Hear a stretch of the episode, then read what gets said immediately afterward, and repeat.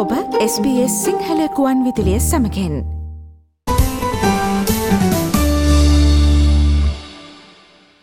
ඔස්ට්‍රේලියාව ලෝකයේ සුරතල් සතුන් හිමිකාරීත්ව අනුපාතවලින් ඉහලින්ම සිටින අතර දළ වශයෙන් නිවෙස්වලින් සයට හැට එකක් පමණ සුරතල් සතකුගේ හිමිකාරීත්වය දරනවා.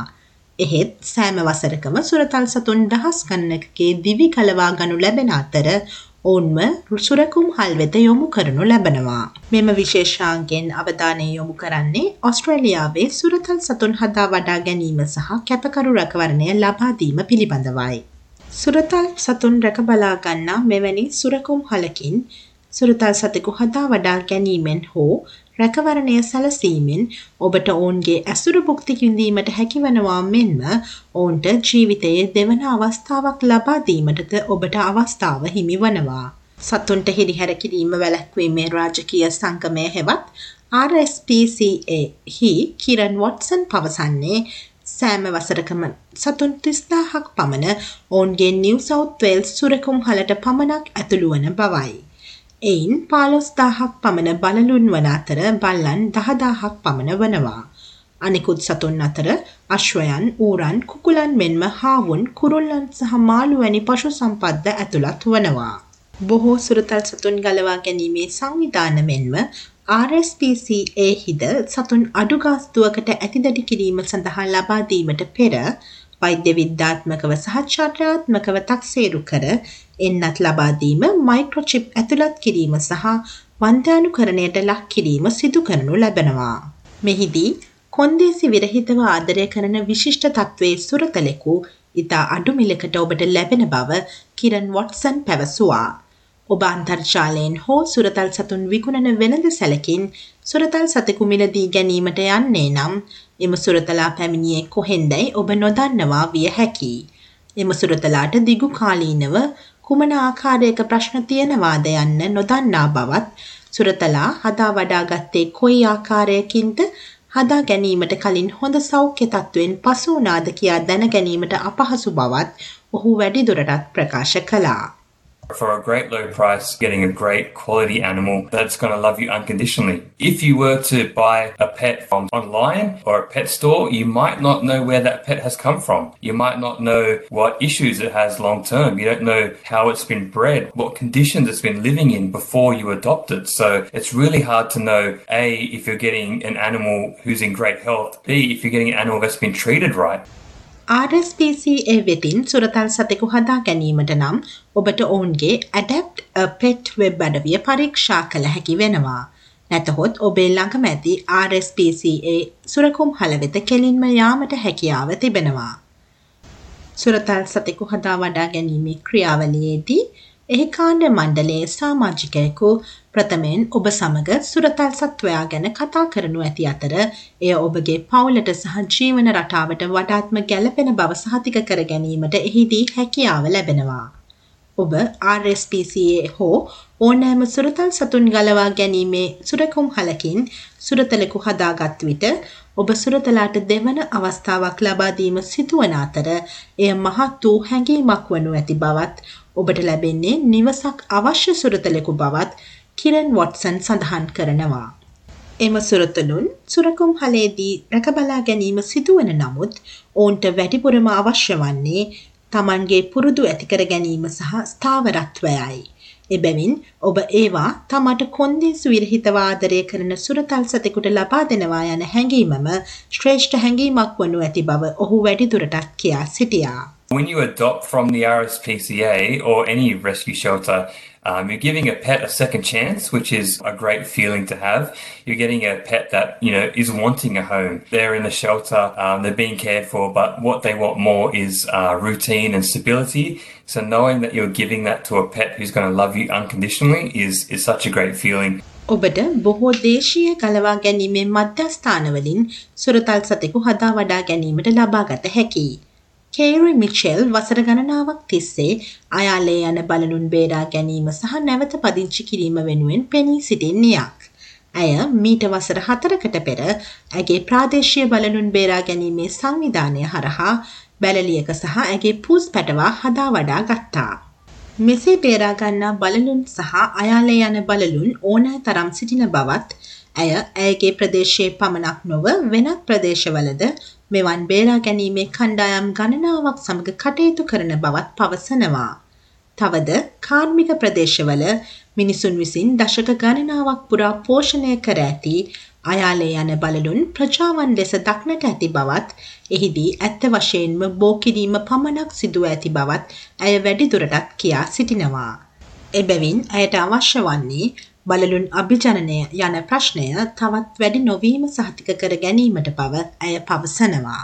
there are so many rescue cats um, and there are so many stray cats and i follow a number of rescue groups not just my local one and you know you see these colonies in industrial areas of stray cats that people have been feeding for decades and of course so they just breed and breed and breed and so i just wanted to make sure that you know i wasn't sort of adding to the cat breeding issue බොහෝ විට ජීවිතයෙන් වැඩි කාලයක් වීදිවල ගත කළ බලලුන් හදා වඩා ගැනීම අභියෝගාත්මක විය හැකියි. කේරිගේ මව් බැලලියට ඇගේ උකුලේ වාඩිවීමට තරම් හුරුවීමට මාස දහටක් ගත වී තිබෙනවා. එහෙත් එවැනි අභියෝගාත්මක සුරතල් සතුන් හදා වඩා ගැනීමේදී ගැඹුරු වූ ජයග්‍රහණයක් පිළිබඳ හැඟීමක් දැනෙනු ඇති. බලලුන් ඇත්ත වශයෙන්ම නිවසේ සාමාන්‍ය ස්වභාවය වෙනස් කරනවා. මගේ පාලොස් හැවරිදි දරුවා ඔටිසම් රෝගයෙන් පෙළෙන අතර ඔහු බලලුන්ට බෙහෙවින් ඇලුම් කරනවා. ඔහු සෑම විටම ඔවුන් වටා සිටින අතර ඔවුන් ඔහුව ඔහුගේ ආරක්ෂිත සීමාවෙන් පිටතට ගෙනා බව පෙනෙනවා. කිසිදු බලාපොරොත්තුවක් නොමැතිව සිටි සුරතල් සතුන්ට නිවසක් ලබාදීම ගැන ජයග්‍රාහී හැඟීමක් මටත් තිබෙනවා. යනුවෙන් කේරි මිචෙල් සිය සුරතුළුන් සම්බන්ධ අත්දැකීම් විස්තර කර සිටියා. The, the cats have really changed the dynamic in the household as well. My 15 year old is autistic and he is quite obsessed with the cats. He's always he's always around them and they, they seem to have really brought him out of his shell as well. You know, there's there's a sense of achievement and, and nurturing as well in giving, you know, animals a home that would otherwise potentially have no hope. සුරතල් සතෙකු හදා වඩා ගැනීම විශාල කැපවීමක් වන අතර එය එම සත්වයාගේ ජීවිත කාලය පුරාම පවතින එකක්. ඔබ සුරතල් සතෙකුගේ ඇසුරක් සොයන නමුත් සුරතල් හිමිකාරීත්වයේ වගකීම් හෝ මූල්‍ය දුෂ්කරතා හේතුවෙන් ඔබට දිගු කාලීනව කැපවිය නොහැකි නම් මෙසේ සුරතලෙකුට කැපකරු රැකවරණය සැපීම ඊට හොඳ විකල්පයක් විය හැකියි. සිද්නි ඩෝගස් ඇන් කැට්ස් හෝම් යනු අතරමං වූ සහ අයාලේ යන සතුන් සඳහා කැපකරු රැකවරණය ලබාදීමේ වැඩසටහන් ඉදිරිපත් කරන බොහෝ ආයතනවලින් එකක්. සුරතල් සතුන්ට රැකවරණය සපයන්නන් ජීවිත ආරක්ෂකයන් හා සමානයි. ඔබේ රැකවරණය තුළ සුරතලෙකු වැඩමින් දියුණුවන ආකාරය දැකීමෙන් හදවත උණුසුම් වන අතර ඔන් හදා වඩා ගන්නා බව ඔබ දකින විට ඔබට දැනෙන්නේ ජයග්‍රාහී හැඟීමක්. Foster carers are like literal lifesavers. So that in itself is an advantage. You know, it's so heartwarming to see the animals grow and thrive in your care. And then when you see them get adopted, it's it just feels like a sense of achievement. ඕනෑම කෙනෙකුට සුරතල් සතෙකුට කැපකරු භාරකරුවෙකු විය හැකි. ඒ සඳහා විශේෂ අවශ්‍යතා නොමැති නමුත් යෝග්‍යතාවය තක්සේරු කරනු ලබන අතර ඔබේ ජීවන රටාවට ගැලපෙන පරිදි සුරතල් සත්වයා ප්‍රවේශමෙන් තෝරා ගනු ලැබීම සිදු කරනවා. මොනිකා ලොකැස්කියෝ සතිකීපයකට වරක් අලුත් බල්ලෙක් හෝ බලු පැටවෙක් රැක බලා ගනිමින් සිටිනවා. සුරතල් සතෙකුගේ ඇසුරු භුක්ති විඳීමට අවස්ථාවක් ලැබෙන අතරම තමන්ට ගමන් බිමන් යාමට මෙහි ඇති නම්‍යශීලී බවට ඇය ප්‍රිය කරනවා.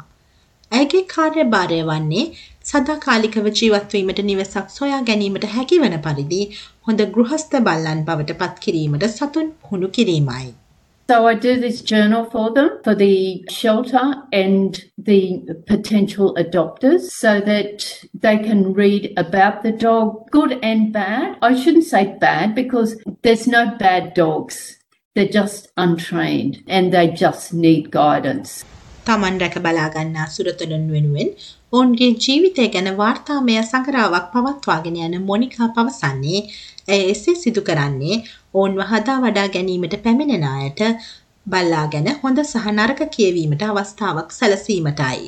ඇය විසින් නරක යන වචනය භාවිතන් නොකළ යුතුව තිබූ බවත් බල්ලන් කිසිවිටකත් නරක නොවන අතර ඔවුන් නුපුහුණු බල්ලන් වන බැවින් ඔවුන්ට අවශ්‍ය වන්නේ මඟ පැන්වීම පමණක් බවත් මොනිකා වැඩිදුරටත් පවසා සිටියා. ඔබ ප්‍රථම වතාවට ඔබේ නිවසට සුරතලෙකු පිළිගන්නා විට විශේෂයෙන්ම ඒ පැටවකු නම් ඔවුන්ගේ හුරු බුහුටි බව නිසා ඔබ මහත් සතුටට පත්වේවි. නමුත් සමහර විටක සුරතලා අසනීප විය හැකි බවත් බරපතල ලෙස තුවාල විය හැකි බවත් ඔබට හිතා ගන්නට අපහසු වේවි. හනකෝ ඕගාවා යනු සිද්නිහි උතුරු වෙරළේ හදිසි සහ දැඩි සත්කාර පශු වෛද්‍යවරියක්. වෛද්‍යෝගාවා පවසන්නේ අයිතිකරුවන්ට වෛද්‍ය පිල්පත් දැරිය නොහැකි නිසා සුරතලෙකුට ප්‍රතිකාර නොකර අත්හරින්නට සිදු වූ අවාසනාවන්ත අවස්ථා ඇය ඕනෑ තරම් දැක ඇති බවයි. ඇත්ත වශයෙන්ම මගේ මුළු හදවතින්ම ඕනෑම සුරතලෙකුගේ හිමිකරුවෙකු සුරතල් සතුන් සඳහා රක්ෂණාවරණයක් ලබා ගැනීම සලකා බලනවා නම් මම කැමතියි. එසේ නොවේ නම් ඔබේ සුරතලා වෙනුවෙන්ම ඔබ යම් මුදලක් ඉතිරි කරන්න. එවිට ඔබ හදිසි අවස්ථාවක් සඳහා සූදානම්. යනුවෙන් වෛද්‍ය ඔගාවා පවසා සිටියා.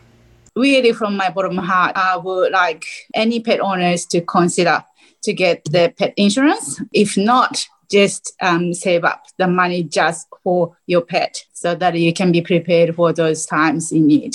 ඔබ ඔබේ පවුල තුළට සුරතලෙකු පිළිගැනීමට බලාපොරොත්තු වන්නේ නම් ආදරණීය නිවසක් සොයන සුරතල් සතෙකු හදා වඩා ගැනීම හෝ කැපකරු රැකවරණය සැලසීම ගැන සලකා බලන්න.